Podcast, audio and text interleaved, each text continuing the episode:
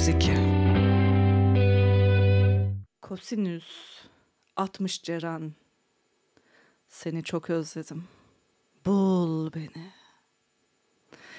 Demiş Hüseyin. Demek istemiş. Kosinüs 60 Ceren neredesin bebeğim? Hüseyin'i bul lütfen ya. ah, merhaba sevgili dinleyenler. Kara Şimşek konuşuyor. Stüdyodayız. Hayatta Kalma 202'nin ta ta ta ta yepyeni bölümüyle ve ah yine çok özel bir bölümle çok özel bir insanla şu an karşınızdayız.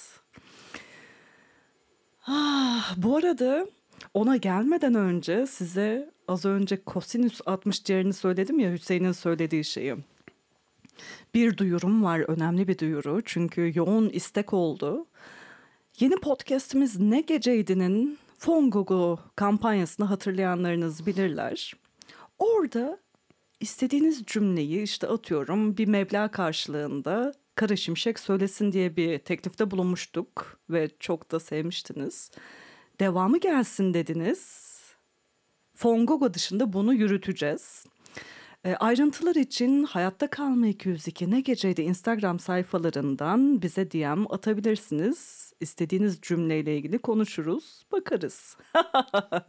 Haberiniz olsun. Bugüne bugünün bölümüne gelecek olursak. Hayatta Kalma 202'nin bugünkü konuğu Jilet Sebat. Uuu bebeğim. Buralar alev alıyor mu? Halı alev aldı mı şu anda? Hissediyor muyuz ateşleri? Yansın, yaşansın o alevler. Bölümümüzün adı da Jilet olarak hayatta kalma. Uuu. Hoş geldin Jilet. Hoş buldum. Seni tanıyan tanıyor Jilet Sabati. Sen hani Beyoğlu'nun has karakterlerinden bir tanesisin. Geçenlerde Jilet kitabın çıktı yani adı Jilet. İlk baskısı tükendi diye biliyorum şu an ikinci baskı sanırım. İkinci baskısı e, çıktı 2-3 gün önce. İlk, baş, e, ilk baskı hemen 3 haftada bitti. Ne mutlu ki. Şaşırmadım. Hiç şaşırmadım çünkü e, özellikle Frankenstein kitap evinde hani bulunuyordu ilk çıktığında ki daha işte birkaç hafta öncesinden yani bahsediyoruz. Aslında çok bebek bir kitabın var ki ben de hani bir Kadıköy taksisi olarak diyorlar ya karşıya senin için geçtim. Hani Frankenstein'i de çok severim. Sevgili Ayşe'ye de çok selamlar olsun. Sevgiler. Aynen. Ah bebeğim tey tey tey. Jilet Sabat. Hoş geldin canım tekrar. Hoş buldum tekrar yeniden. Seni tanımayanlar için hani Jilet Sabat'in Jilet Sabat olma hikayesine yavaş yavaş gireceğiz. Çünkü Hayatta Kalma 202 dinleyicilerin eminim ki birçoğu seni tanıyordur bir şekilde. Ama yeni tanışacakları için kimdir Jilet Sabat sence hayatım? Jilet Sebahat aslında hmm, hayatta bir tavır. Ee, bir tavır olma biçimi diyebilirim. Ee, bu tavır e, susan kadınların yerine bir tavır. Ee, transfobiye, homofobiye ve birçok fobiye uğrayan çocuklar için bir tavır. Ee, ezilen azınlıklar için bir tavır. Ee, ve dolayısıyla e, bu tavrın sesi diyebilirim Jilet Sebahat'e.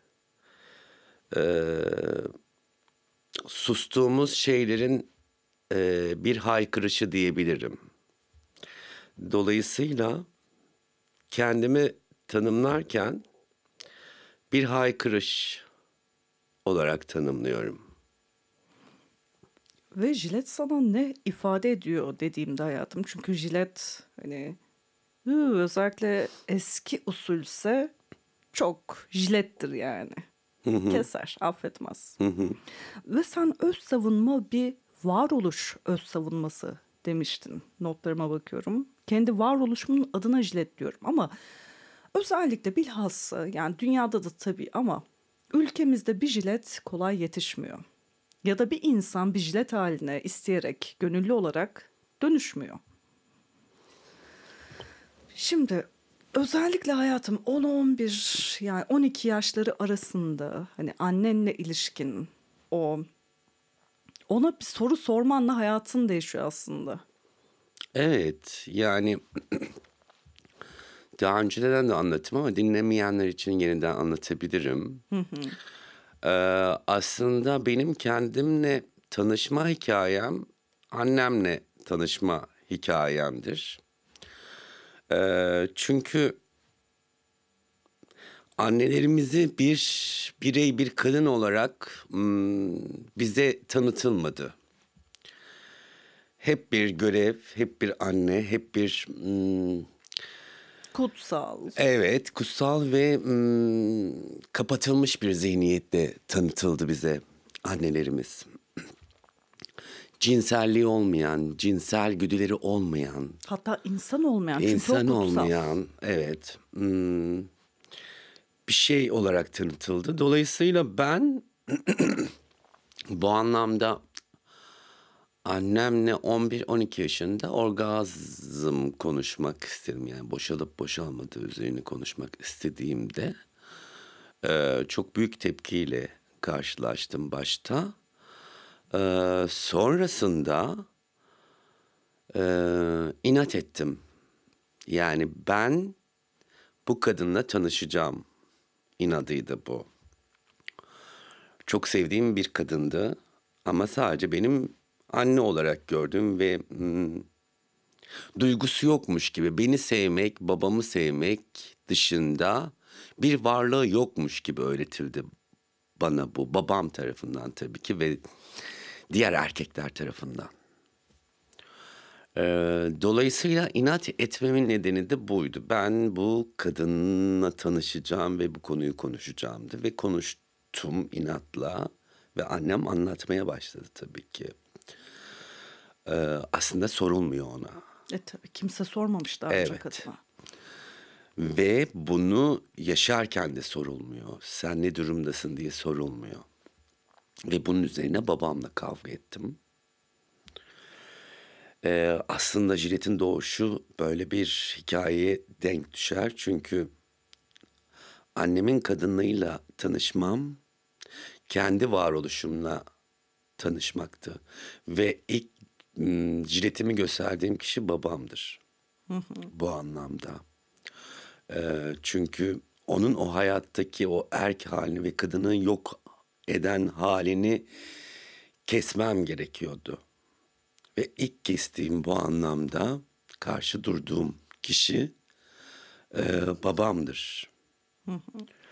Ve Jilet'in de varoluş hikayesinin başlangıcıdır diyebilirim buna. Bir taraftan da altı kardeşsiniz.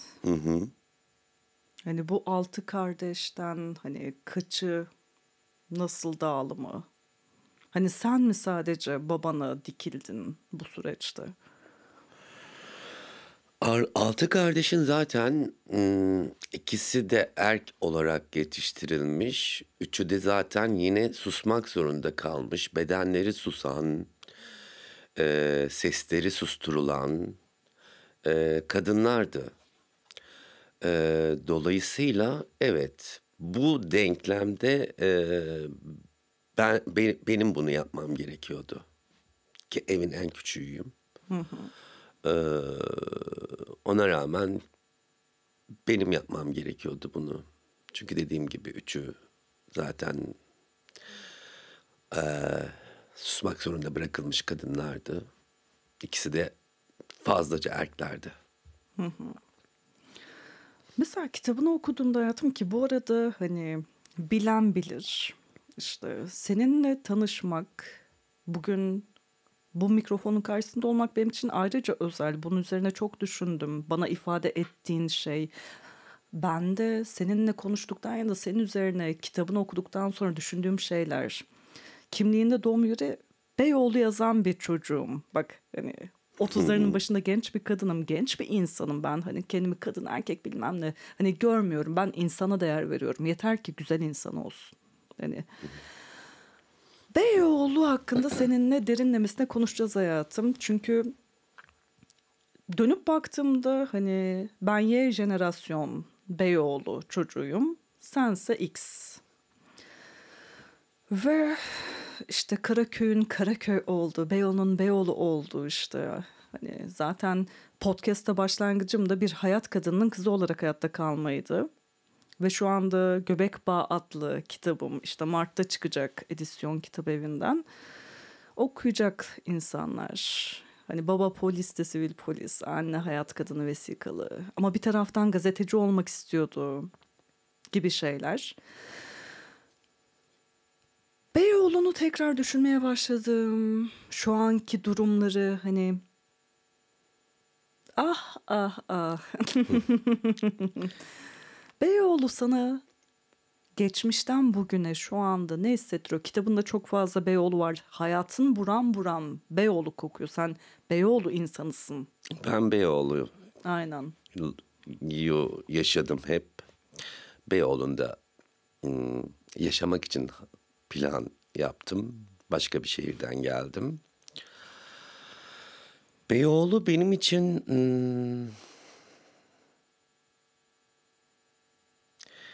kendi e, hayatımın ayrılmaz bir bütünü. Kendi hissimin ayrılmaz bir bütünü. Ee, ben ne neysem aslında Beyoğlu da o. Ee, çünkü hmm, biz unutkan toplumlarız. Unuturuz, çabuk unuturuz. Çok kolay. Çok kolay unuturuz. Dolayısıyla Beyoğlu benim unutmamamı, hafızamı her zaman taze tutmamı sağlıyor. O sokaklarda yürürken orada yaşanmış hikayeler, hmm, sürülmüş insanlar, hala sürünmekte olan insanlar, esnaf, orospular, ayyaşlar, Sanatçılar, bohemler. sanatçılar, bohemler. Ee, dolayısıyla bir inat hikayesi aslında. İnadına orada olmak, inadına orada yaşamak, inadına orada çalışmak, ee, inadına orası için emek etmek ee, bir inat hi- hikayesi. Yani ee, çünkü o kadar yok edilmeye çalışılan bir yer ki aslında bizim gibi. Tabii. Bizi de çok fazla yok etmeye çalışıyorlar ya. Varlığımızı yok etmeye çalışıyorlar. Ee, dolayısıyla da bu denklemde işte yok edemiyorsun. Yıkıyorsun, e, yağmalıyorsun, her şeyi yapıyorsun ama yok edemiyorsun. İnatla ayakta duran bir yer. Ee, bizim gibi.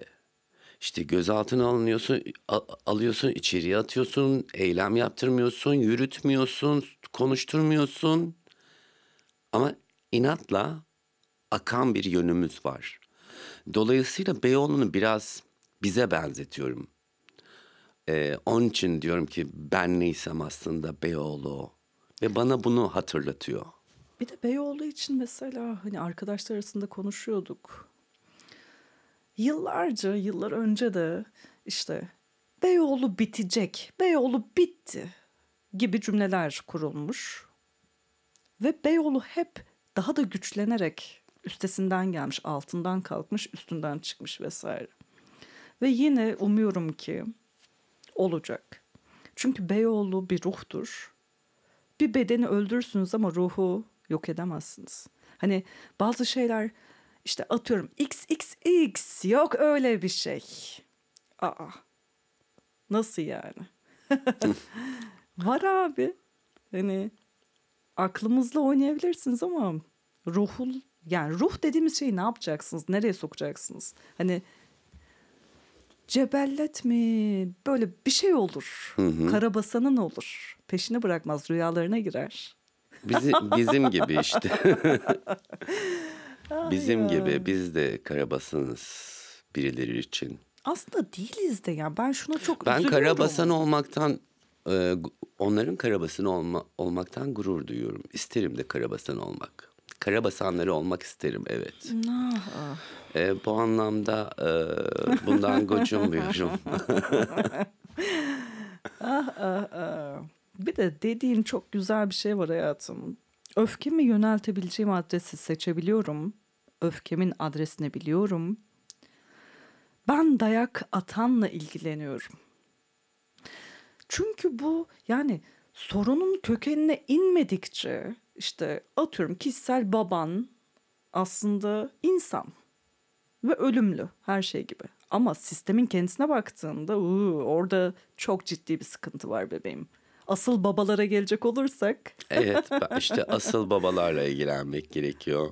aynen öyle ve dikkatimizi dağıtmaya çalışıyorlar işte yok şuydu buydu oydu aileydi toplumdu. Hayır asıl babayla ilgilenmek lazım. Evet onu yok etmek gerekiyor. Yani öfkeyi de ona yöneltmek gerekiyor. Eğer bir öfke varsa e, ki ben birçok mevzuya öfkeliyim Ben de. ama e, öfkemi hmm, yakın çevremden çıkarmıyorum. Onları o hale getiren e, sistemin çarkıyla ilgili e, mücadele veriyorum. O çarkları kırmak için uğraşıyorum. Dolayısıyla e, kendimizi birbirimizi ezmek yerine bizi o hale getiren düzeni ezmekten yanayım. Çünkü zaten istedikleri de dikkatimizi dağıtıp birbirimize düşüp işte küçük şeylerle oyalanırken, hıncımızı çıkarmaya çalışırken onların büyük projelerini gerçekleştiriyor olmak istiyorlar. Ve bunu başarıyorlar da çoğunlukla ne yazık ki.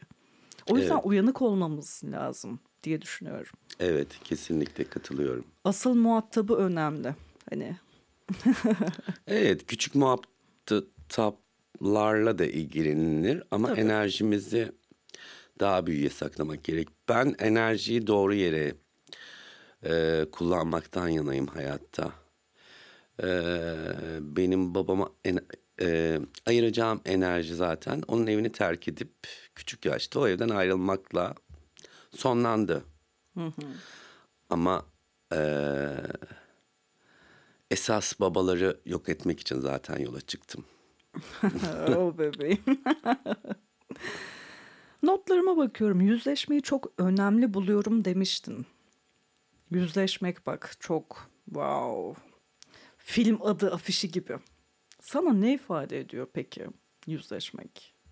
Hani neyle yüzleşmeliyiz? Jilet Sebat neyle yüzleşti, yüzleşiyor? Meselemiz ne yüzleşmekle? Yüzleşmek görmek aslında. Kişi hmm, kendi bedeniyle yüzleşmeli, kendi duygusuyla yüzleşmeli. Ee, kendi hatalarıyla, doğrularıyla, sevaplarıyla, yanlışlarıyla her şeyle yüzleşmeli.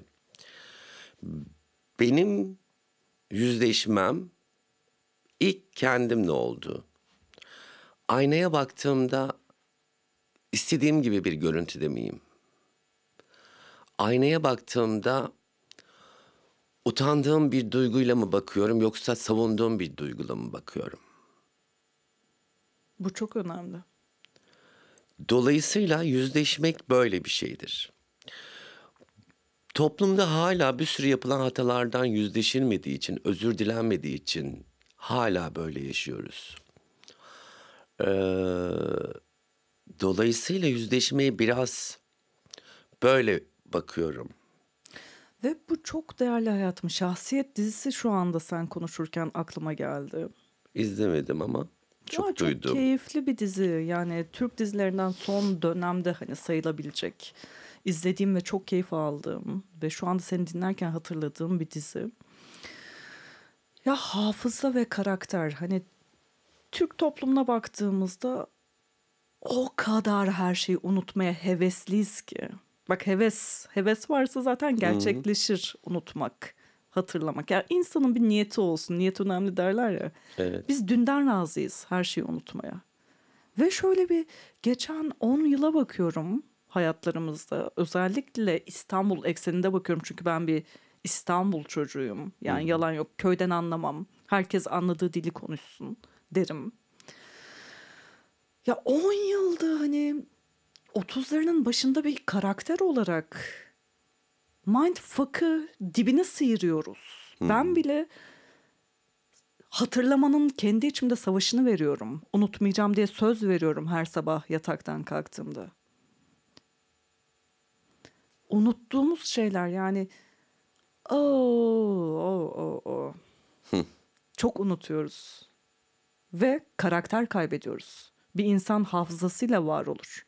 Hani Alzheimer bir insanı ele aldığımızda o insanın ne kadar kendisi olduğundan bahsedebiliriz. Mesela bu bir soru işareti. Hatırlayarak var oluyoruz. Ve hatırladıklarımızı hani din kültürü ahlak bilgisi dersinde hatırladığım tek bir şey var ve sevdiğim tek bir şey var. Ki bu arada benim çok iyiydi çünkü ezberim iyiydi. Duaları falan ezberleyip okuyordum. Çünkü benden bu isteniyordu eğitim süresince. Dil ile ikrar, kalp ile tasdik. Evet güzel. Ve bu ne kadar değerli aslında. Ve şu anda hayatımda bu pratiği kendimle ilgili, sevdiğim şeylerle ilgili, unutmak istemediğim hayatlarla ilgili yaşatmaya çalışıyorum. Yazarak, konuşarak, podcast yaparak, konuklarla vesaire. Hayatta kalmaya çalışıyorsun yani. 202 şeklinde. Aynen. ya bir taraftan hani sevgili Cilet şey de çok enteresandı işte. Ya annem orada gidiyor hani Karaköy'de çalışıyor. Hani ben 7 yaşında 8 yaşında bir çocuğum ve nereden geldiğini biliyorum. Görüyorum çünkü bu arada hani hala bana açılmamıştı ya da ben ona söylememiştim. 4 yaşında aslında anlamıştım ne iş yaptığını ama benden sakladığını da anladığım için söyleyemiyordum yüzüne. Tutmam gerektiğini anlamıştım o sırrı. Ah, ve bir taraftan da işte 8 yaşında yazmaya başlayan o çocuktum. Steril bir ortamda büyütülmeye çalışıyorum ama evde pezevenkler var. Hani Joe'lar tüttürülüyor. Ben böyle şehla bakıyorum duman altı olmuşum falan İstanbul. Ve annem e, birkaç yıl sonra ben ona söylediğimde işte ne iş yaptığını bildiğimi, hani Karaköy'deki o zürafa sokaktan geldiğini bildiğimi vesaire hani. Tabii zürafa sokak olduğunu bilmiyordum adının da. Karaköy'e bu arada beni bırakırdı arabanın içinde. Giderdi, gelirdi. Yani böyle tuhaftı Beyoğlu. Seninle ortak noktamız yazmak. Ve seninle konuştuğumuzda beni üzen şey şuydu. Hani kitabın yeni çıktı ama kitabın heyecanını yaşayamıyorsun. Çok bu arada hani bana tırnak içinde düşmez ama iyi bir yazarsın. Ben öyle kolay kolay e, Türk yazar özellikle sevmem. Seni çok keyifle ve hani ağlayarak bazı yerlerde okudum. Annem de işte şey derdi hayatın gerçekleri. Sen Evet. bir şey bilmiyorsun. Küfürler, kıyametler. Ve ben hala o çocuğum aslında. Hani yazmayı bırakmamak, o naif tarafı bırakmamak çok önemli. O da bu arada naif tarafını bırakmadı ama sen jilet diyorsun ya varoluşuna. O da kendine başka bir şey diyordu. Ruhu şad olsun. İşte bu hikayeler anlatılmalı. Çünkü anlatamayacak duruma geliyor o insanlar. Ya hani atlıyorlar köprüden, kesiyorlar bileklerini ya da travmaları ya hayatları travma. Hani bir insan için yolda yürümek aktivizm olmamalı. Hiçbir insana. Ben böyle gittim sen beni toparla bu sefer. Normalde moderatör benim ama seninle konuşurken çok fazla şey içimde açıldı. Keyifli dinliyorum. Ee, yolda yürümek de aktivizm. Aynen. Onun ama için, olmamalı. Onun için hmm, her yürüyüşümüz onur yürüyüşü diyoruz ya. Benim e, Beyoğlu'ndan kal- kalkıp Kadıköy'de bu stüdyoya gelmem aktivizm.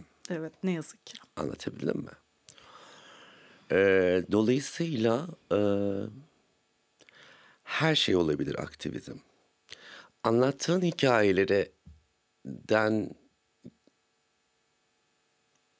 hikayeyle ilgili bir şey söyleyecek olursam hayatta hmm, keşke bir çocuğun hmm, seks işçiliğine giden annesinin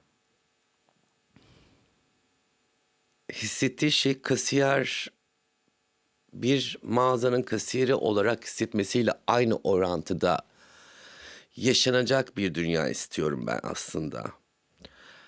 Ee,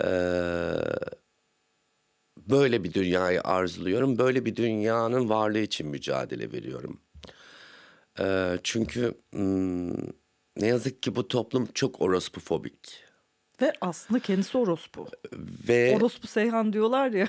evet yani ben hmm, orospu da demem onlara. Çünkü demem. o- orospuluk hmm, benim için iyi bir noktadır. Dediğim gibi yani seks işçiliği de işçiliktir. Dolayısıyla Ve zor bir işçilik. Çok ve zor. çok zor bir işçiliktir. Ee, tabii ki zorunlu seks işçiliğine hayır diyoruz. E, tabii. Ee, bunu gerçekten yapmak istemeyen, mecburiyetten yapan e, çok insan da tanıyorum.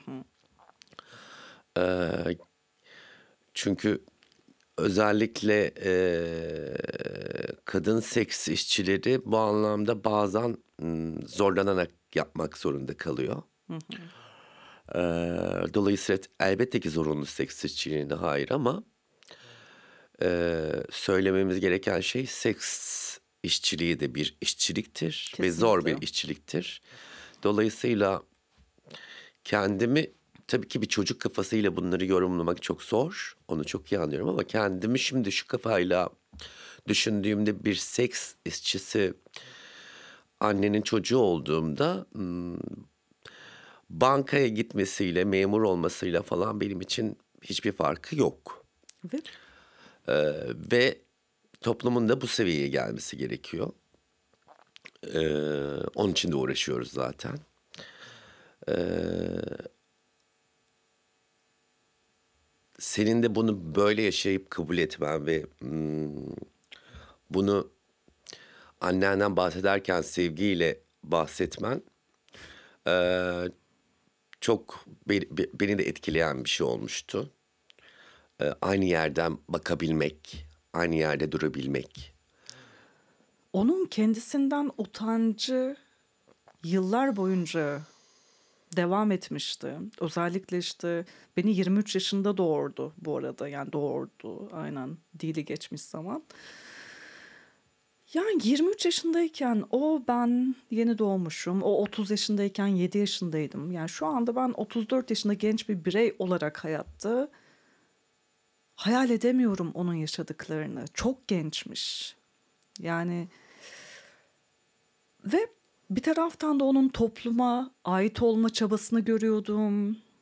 Olamayışından duyduğu üzüntüyü görüyordum. Gazeteci olmak istiyordu işte bahsettiğim gibi ve bu arada emin olun alasına olurdu. Çok iyi bir aileden geliyor. Hay ben o ailesinin hani üç nokta koyayım.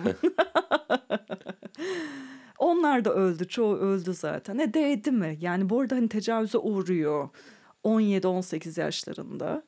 Ve eski İstanbul ailesi bu arada. Beyoğlu ailesi. Hani benim o Beyoğlu tarafımı kaşıdın Jilet. Ve ailesi onu işte iyi bir aile olduğu için tecavüzcüsünün yanına gönderiyorlar. Çocuk işte gidiyor vesaire. Yani uzun hikaye, çok uzun hikaye. O yüzden kitabını yazdım işte. Heyecanla bekliyorum. Çok teşekkür ederim. Ya o insanın hayatı işte benim annem. Hani ben şimdi bir yazarım, podcast yapıyorum ve bu arada hani çok erken yaşlarda sanatla haşır neşir olmaya başladım. Hep beni koruma hani çabası telaşı oldu ama en büyük zararları da o verdi mental olarak. İyi de yapmış hani kendince bir eğitim vermiş bana ve şu anda hiç kimseden alamayacağım de- değerli dersleri 202 derslerini ondan aldım en başta. Sırtım yere kolay gelmiyor çok şükür. Ah ah ah hayatım ya. Ah ah ah. Sevgili işlet. Şimdi biraz da dönelim. Aşkla ilgili çok güzel bir şey söyledim. Dümeni direkt kırdım. Fark ettiysen. İki ayrı hayat tek hayat olamaz. Bence bu aşkı çok güzel açıklıyor. Bizim korkutuculuğu, ilişkideki sorunsallar. Hani İki ayrı hayat tek hayat olamaz derken ne demek istedin? Nasıl ilişkiler sana bunu söyletti? Şimdi bir ilişkiye başlarken insanlar sanki o an doğmuş gibi davranıyor ve öyle tavır bekliyor. Bir ilişkiye bağlar e, başlarken sanki geçmişim benim hiç yok. Hiç o hayatı yaşamamışım. E, ve ondan önce yokmuşum gibi davranıyor ve öyle görmek istiyorlar. Ee, ben de diyorum ki hey kardeş senin de bir hayatın vardı benim de bir hayatım var ve bu iki hayatı tek bir hayat yapmanın bir anlamı yok. Bir duygumuz varsa sen kendi hayatına gel ben de kendi hayatımla geleyim ve hayatlarımızı paylaşalım. Hayatımızı paylaşmayalım, hayatlarımızı paylaşalım. Tabii. Ne kadar güzel. Ee, dolayısıyla evet bir, bir bu iki ayrı hayatı tek hayat yapmak için zorlandıkları için bence e, problemler yaşanıyor. Ee, mesela aynı kitapçıya e, bir, bir, bir film festivalinde aynı kitapçığı almanın bir anlamı yok. Yani herkes kendi kitapçığını alsın, kendi filmlerini tercih etsin. Yani ilişki dediğimiz şey bireyin kendi ölümü üzerine kurulmuyor ki. Ee, dolayısıyla ayrı kitapçıklar alınsın. Herkes kendi filmini seçsin. Belki de birbiri, birbirine insan daha çok yakınlaşır. Aa aynı filmleri seçmişiz dersin veya aa farklı filmler seçmişiz dersin. Aynı filmlerse beraber gidersin belki o seansı izlersin. Ama diğer seansta tek başına da bir film izleyeceğinin e, gücü ve özgüveniyle yaşarsın. İlişkiler biraz özgüveni öldürmek üzerine kuruluyor ne yazık ki. Beni yok etmek. Evet. Biz olalım. Evet. E, dolayısıyla hmm, küfür edebiliyor muyuz? Tabii ki. Ana E, avrat. sikerler yani. Yine ana olan anaya avradı Ya, oldu. onu var ağzından çıkınca dün babanızın mektubuna doğru diye konuşalım o zaman. Ya ana baba. hani. Ee, dolayısıyla hmm, ben bunu aşk da demem, ilişki demem. Beni öldüren e, hiçbir şey ne, ne, ne diyor işte öldüren sevgi istemiyoruz Kesinlikle derken ya öyle bir şey e, bir, bir sürü insan hmm, sevdiğini öldürüyor. Buna da sevgi diyor. o hastalık. Bir sürü bir sürü işte diğeri de hastalık. Birey olamamak da hastalık. aynen. Anlatabildim mi? Yani Başka lehçesi. Evet. Ee, dolayısıyla da evet iki ayrı hayat tek hayat olmaz. Ee, benim hayatım onun hayatı ve kendi hayatlarımızdan biriktirdiğimiz şeyleri aslında paylaşma durumu ilişki. Paylaşıyoruz. Paylaşım önemli bir şey. Ee, ve paylaşım dediğin şey seni yok etmez e, daha çoğaltır. E, daha başka bir yere götürür mevzuyu. Eksilmezsin paylaştıkça. Eksilmezsin, çoğalırsın. Aynen. E, dolayısıyla ben böyle ilişkileri tercih ediyorum. Onun için de çok ilişkim olamıyor. Ya şimdi Tulu'yla yaptığınız kaydı dinledim işte geçen gün. Orada dediğin şeye koptum ve hemfikirim. Hani işte arkadaşsa seviştiyseniz hani kalsın ama akşam yemeğine kalmasın. Hani ama diğeri hani mümkünse sabah erken hani yedik içtik yani yedik içtik derken bedenleri Birbirimizi yedik, içtik. aynen hormonları Evet, sıvıları işte evet. yemediğimiz kalmadı çok şükür ama gitsin sabah yani kahvaltıda da beni yemesin Evet çünkü kahvaltı için başka planlarım, başkasıyla başka planlarım olabilir. Yani biriyle sevişiyorsam o gece sabahta kalkmak durumunda değilim. Yani herkesin kendi evi var, yeri var. Olmalı da Ve olmalı da. Ee, dolayısıyla da evet e, Tula'ya e, söylediğim gibi hmm, arkadaşımsa ve onunla paylaşacak bir şeyim varsa e, sabah kalkar bir film izleriz diyorum. Çünkü hmm, tanıdığım biri ama tanımadıysam sabah neye dönüşeceğini bilmiyorum. Belki çok yorulacağım, belki saçmalayacak. Çünkü ben o anda sadece bedenimin konuşmasını istiyorum. Bedenimin konuşmasını dinleyecek birine ihtiyacım var. Politika konuşacak biri istesem zaten hmm, bir barda oturur arkadaşlarımla. Ee, onları konuşurum veya sanat veya film veya seks veya başka bir şey ne konuşacaksam artık. Ee, ben bedenimin konuşmasını istediğimde sadece bedenini dinleyeceğim ve bedenimi dinleyecek insanlar istiyorum. Sabah kalktığımda başka ses istemiyorum. Ee, çünkü başka sese ihtiyacım yok. Başka sese ihtiyacım olsa o olmazdı o gece zaten. Ya bir de mesela ben tek eşli henüz hala inanmıyorum ve kendim dışında bir insana sevgilim demedim. Şu noktaya kadar. Hani çok çeşitli yatak deneyimleri vesaire hani bir sürü şey yaşadım çok şükür. Yaşamaya da devam ediyorum hani. Ya tek eşli olmak zorunda değiliz. Bu arada hani olabilirim hani. Bilemiyorum. Hani hayat ne getirir ne götürür. Açığım yani. Yeter ki o duyguları hissedeyim ama aşık olamayacak kadar dürüstüm ya da tek bir kişiye aşık olamayacak kadar. Ve bu arada aşkın kendisiyim. Paylaşacak çok fazla aşkım var. Yani neden benimsin, seninim? Ay tamam yatakta güzel olabilir hani fantazi olarak. O anda onun olabilirim ve muhtemelen o insanınımdır bir şekilde. Ama bunu sürdürmeye çalışmak bana manyaklık gibi geliyor. Hastalıklı buluyorum. Ya bir de tek eşliliğe nasıl baktığımızla ilgili Aynen bir şey. öyle. Yani toplum olarak gerçekten am, göz, sik, meme, e, göt e, bunlara beden dediğimiz şeyi çok kutsallaştırıyoruz. Namusumsun. Çok kutsallaştırıyoruz. Şöyle bir yerden kutsallaştırıyoruz. Şimdi tek eşli olabiliriz mesela. İstersek. Hayır, gelirse. hayır. Şunu anlatmak istiyorum. Tek eşli olabiliriz e, istersek.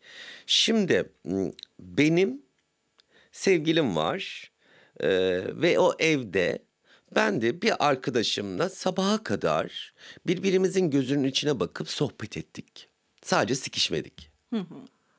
Şimdi bu tek eşlilik mi oluyor? yani beden ilişkisi mi insanı tek eşli yapıyor? Yani girdi İlla çıktı mı girdi lazım? çıktı mı? Size bu mu lazım? Hayır ben kendime poligamiyim diyorum ama poligamiyim derken her önüme gelenle yatıyorum anlamında söylemiyorum. Ben göz severim, ben bakış severim, ben ses severim, ee, nefes severim. Dolayısıyla sevgilim uyurken bir başka insanın sesini sevmişsem ben poli, poligamiyimdir. İlla onunla yatmam gerekmiyor. Tabii. Dolayısıyla poligamiye ve tek eşliliğe biraz beden üzerinden e, bakılıyor. E, bu da e, bedeni çok kutsal bir yere götürüyor. O zaman e, senin e, hala kızdık zarını onunla bununla namussumsun dedin az önce. O- Onu bunu tartışan insanlardan bir farkın kalmıyor. Tabii. Anlatabildim ya bedeni öyle bir yere koyduğun zaman e, bedeni öyle bir yere koyduğun zaman işte bu erkektir şu kadındır neye göre tanımlıyorsun bedenin şekline göre onun sakalı var şöyledir onun çükü var böyledir onun amı var böyledir falan gibi bir e, duruma dönüşüyor mevzu. Ben hayır ben poligamiyim ama dediğim gibi ben bir beden üzerinden değil beyin üzerinden poligamik yatarım da hani o anlamda da poligamiyim. Olur. Ee, ama dediğim gibi ben ses, nefes, bakış, göz e, bayılıyorum yani ve e, çok fazla nefes, çok fazla ses ve çok fazla söz var. Se- se- sesini dinleyeceğim çok fazla insan var, sözünü dinleyeceğim çok fazla insan var. Kendime bir insana hapsedemiyorum bu anlamda. Tabii. Ve tam da sen bu cümleleri kurarken hayatım notlarımda başka bir cümlene denk geldim. Çok güzel bir cümle bu arada. Hayatta sırtımı dayadığım en özel yerdir yalnızlığım. Ne hissettiriyor? Yalnızlık sana ne ifade ediyor? Şimdi az önce o yüzleşme dediğim noktada benim hayatta keşfim kendimi dinlemekle, bedenimi dinlemek, kendi içimi e, dinlemek kendi içsel köklerime uzanmakla oluştu kendi varoluşum. Ee, bu anlamda yalnızlık dediğim şeyden ben çok eğlen, eğleniyorum. Çok eğleniyorum. Ee, kendimle çok eğleniyorum. Ee, çok güllüm yapıyorum, kavga ediyorum, küsüyorum.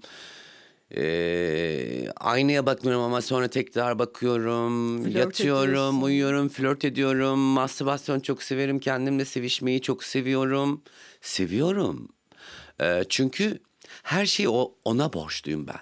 Tabii. Hayatımdaki şu an sahip olduğum her şeyi kendime borçluyum. Ve kendi yalnızlığıma borçluyum.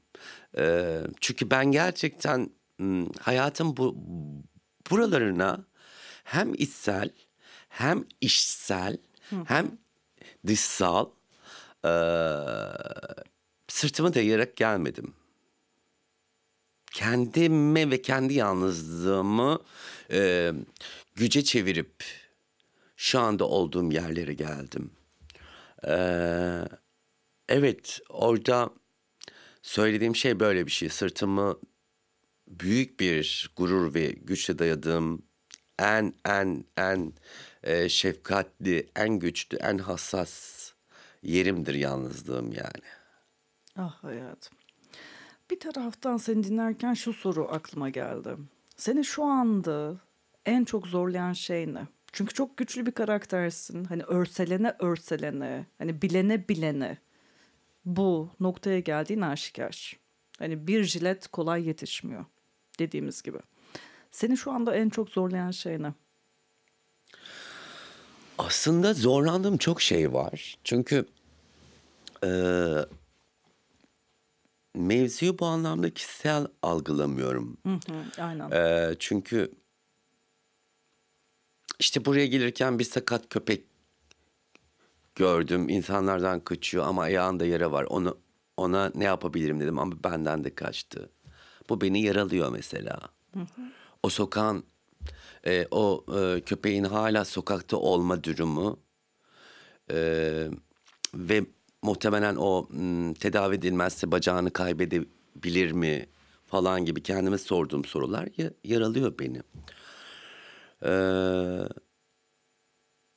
az önce bahsettiğimiz e, konularla ilgili hala susmak zorunda kalan, evlere kapatılan, e, başları zorla kapatılan, kadınlığı unutturulan, cinselliği unutturulan bir sürü kadınların bu hayatta var olması yaralıyor hala beni. Ee, bir sürü insanın zorunlu seks işçiliği yapmak zorunda olması yaralıyor beni. Ee, çok yaralandığım şey var. Ama buradaki beni cilet yapan şey e, bu yarayı yaraya da sırtımı dayamıyorum. O yarayı hmm, bir şekilde beni hayatta tutması için sürekli tedavi ediyorum. Ee, sürekli ilaçlarımı değiştiriyorum. O yaranın ilaçlarını değiştiriyorum. Ee, başka türlü şeyler deniyorum. Başka başka türlü yolculuklara çıkıyorum. Başka türlü bakmayı öğreniyorum.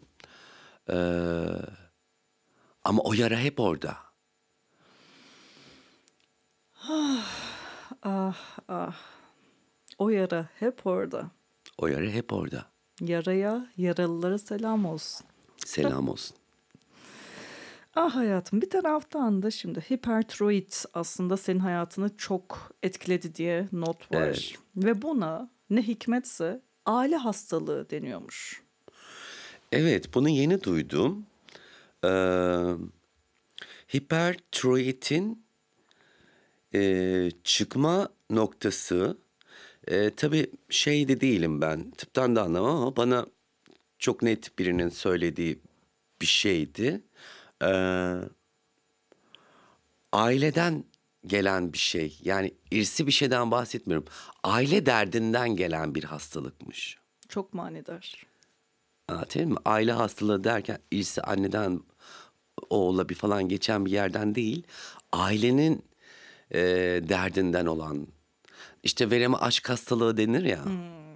Anlatabildim mi? Yani e, hipertiroidte, tiroidte aile hastalığıymış. Aile derdinden gelen bir hastalıkmış. Bunu da e, hatta böyle e, seninle ilk buluşacağımız zaman öğrenmiştim. Yeni öğrenmiştim. Ee, inanırım. Aile biraz hasta hasta bir şeydir çünkü. Hem hasta hem. Hem de hastalık bulaştırır. hem de hasta eden. evet, güzel bir şey. ah Ee, ya. Çünkü seçilmiş aileler de var. Tabii seçilmiş aileler candır. Ee, dolayısıyla güzel bir şey. Fakat e, benim hastalığımın nedeni. Manidar hayatım. Ben de hipertiroid ve aile hastalığı hani değişini senden ilk duymuştum her ikisini. Ve böyle munzur munzur gülmüştüm acı acı kafamda. Aile hastalığı. ah hayatım ya bir taraftan Lizbon'a gittiğinde insanların bakışları sana nasıl hissettirdi? Çünkü hep böyle hayat işte dünya ülkemizden ibaretmiş gibi düşünüyoruz, hissediyoruz ya çok maruz kaldığımız için. Evet. Halbuki başka hani ülkeler, hayatlar vesaire var. Lisbon hani sana nasıl hissettirdi bu anlamda? Orada bir deneyim yaşadın çünkü. Evet. E, Amsterdam sonra bir Lizbon'a gittim. Ee, çok şaşırtıcıydı.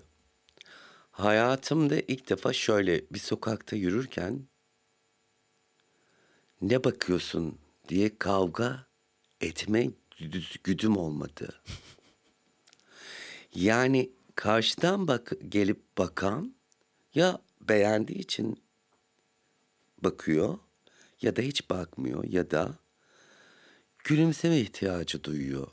Ben hayatımda böyle bir şey yaşamadım. Ben buraya gelirken 4-5 kişiyle kavga ederek geliyorum falan yani. Hani böyle bir şeyin mümkün yok ki bizim hayatımızda. Ee, bir kadınsan, bir dönmeysen, ee, Biraz renkliysen, sıra Evet. dışıysan, evet. dikkat çekiyorsan. Dolayısıyla da e, Lizbon benim için böyle bir yandan çok duygulandım. Bir de Lizbon çok İstanbul'a benziyor. Gerçekten İstanbul gibi yedi tepeli bir şehir falan yani o kadar benziyor ki İstanbul'a. Bazı yerde otururken gerçekten böyle boğazdan bir yeri izliyormuşsun gibi falan hissediyorsun. Ve şehir olarak da çok güzel bir şehir. Dolayısıyla o yedi tepelerden bir tepesinde otururken bir de hmm, çok sevdiğim bir arkadaşımın yanına gittim. Onunla otururken o da İstanbul'dan kaçanlardan eee, şeyi düşündüm. Hem şehir olarak İstanbul aslında çok daha güzel de bir şehir. Bu kadar yağmaya, bu kadar yıkıma, talana eee, maruz kalıp hala ayakta durması e, bizim gibi aslında. Ben onun için hep İstanbul'u, Beyoğlu'nu hep bize benzetirim. Bir öyle bir duygusallık içindeydim. İkincisi de hissettiğim şey yani bizim hakkımız değil mi rahat yürümek ve gerçekten güvende güvende olma güdüsünü hissederek bu güvenle sokakta yürüme özgürlüğümüz neden yok? Neden ben o siktiğim adamlarla e, yolda kavga etmek zorunda, onların lafını duymak zorunda, sürekli bir şeye maruz kalma durumundayım ki? E, neden bir kadın gece evine yalnız gidemiyor? Neden istediği gibi giyinemiyor? Neden istediği barda yalnız içemiyor? Neden neden neden gibi bir sürü sorular sor- sorma durumunda kalıyorsun kendine. Evet Lisbon benim için çok güzel bir tecrübeydi ama bir yandan da bu duygu yoğunluğunu getirdi bana e, beraberinde. Ne zaman gitmiştin hayatım? Yeni herhalde iki, iki, bir buçuk, iki ay oldu herhalde. Oo, daha herhalde. çok Daha, da çok olabilir. Ben ayları ve adres, ay ve tarih konusunda Ah ah e, o berbatım. Aslında daha da daha da daha da eski olabilir herhalde. Ama şeydi. Ekim Ekim'de gittim. Okey daha taze Ekim, çok taze. Ekim doğru Ekim. Ah ya hani ya kaldırımda yürümek aktivizm olmamalı. Olmak zorunda olmamalı.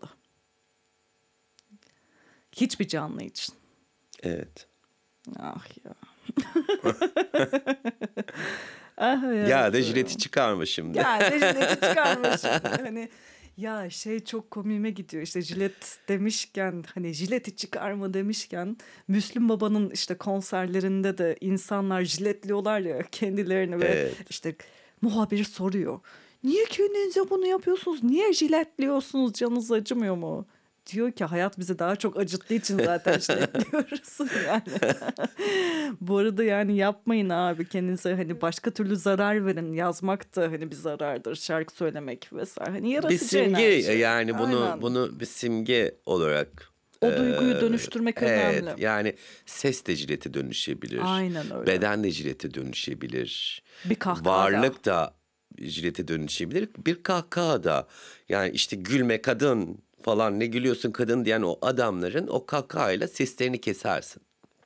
İşte o, o da bir jilettir. Anlatabildim Aynen mi? öyle. Yani yoksa kendimizi jiletlemekten Ay bahsetmiyorum canım benim. tabii ki. Öpeyim kendimi dur.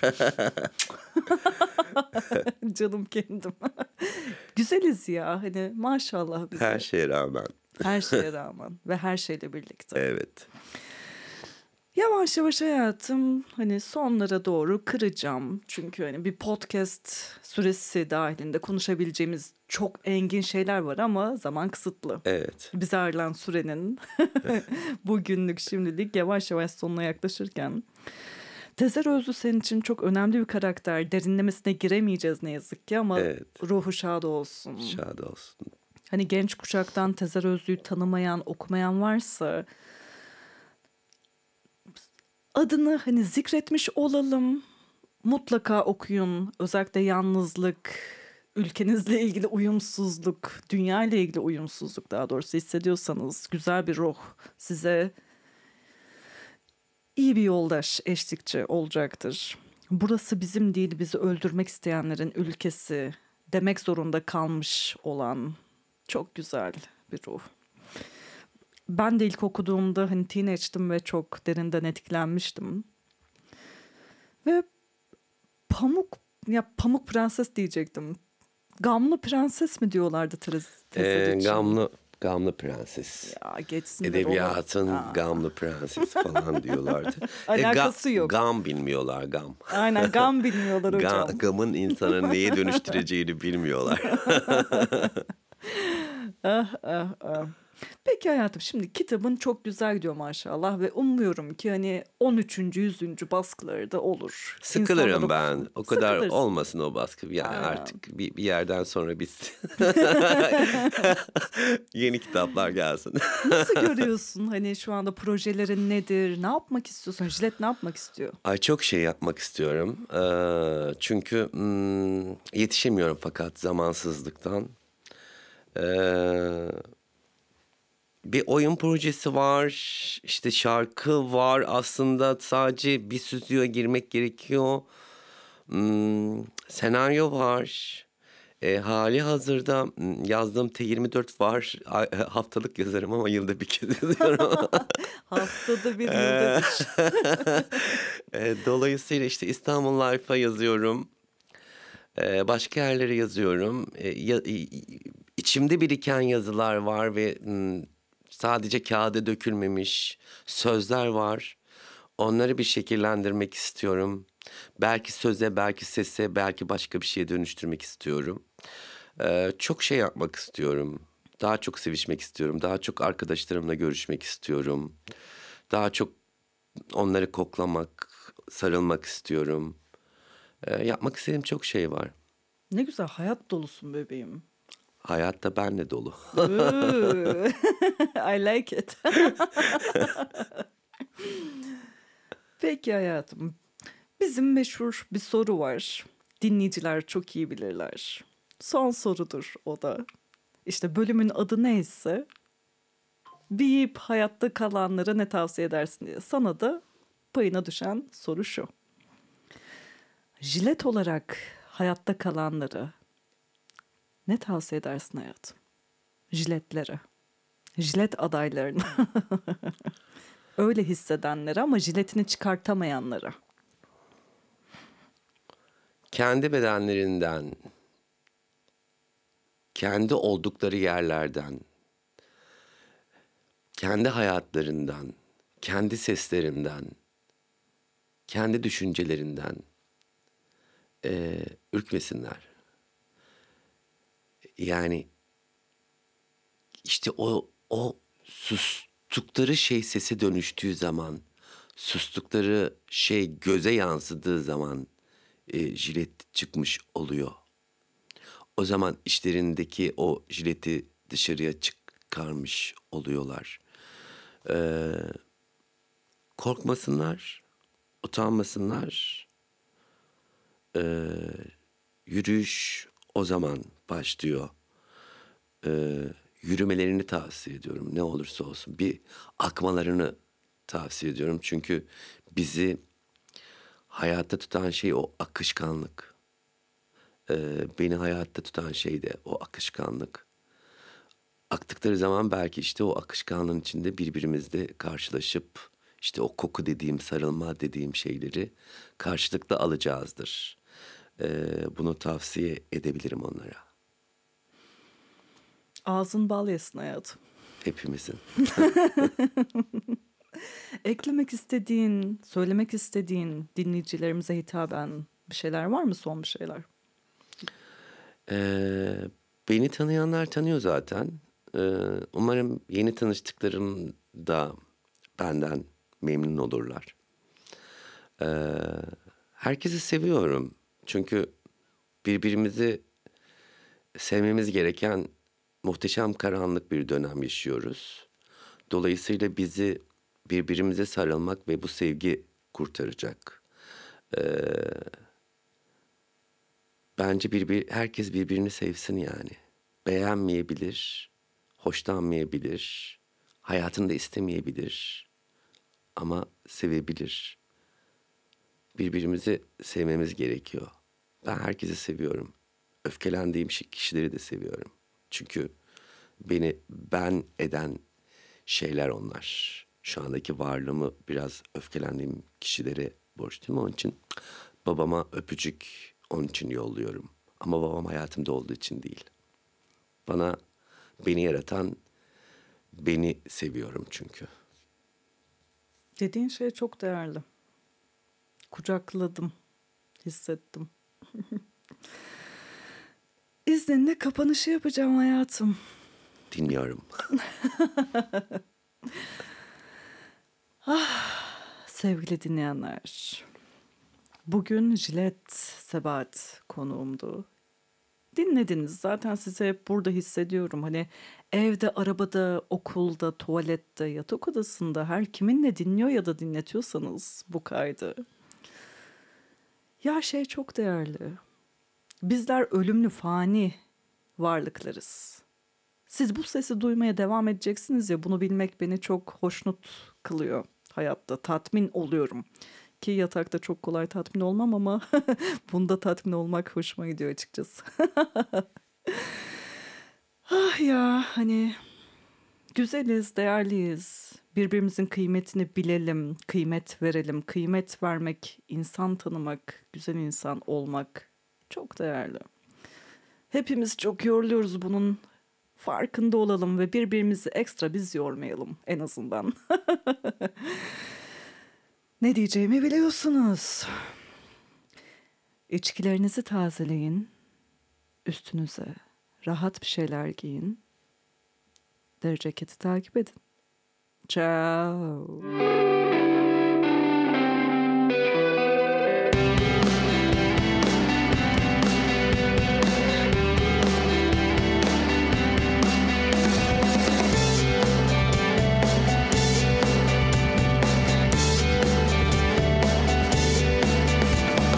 Hayatta Kalma 202